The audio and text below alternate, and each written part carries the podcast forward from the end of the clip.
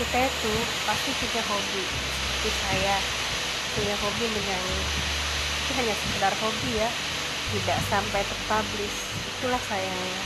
Tapi kita harus tetap um, mengembangkan hobi kita itu setidaknya untuk menyenangkan hati kita sendiri. Sehingga kita tidak merasa stres, kita merasa nyaman, kita merasa enjoy walaupun kita sedang dalam masalah. Ya mungkin itu salah satu tips dari saya uh, untuk tetap mempertahankan hobi. See you next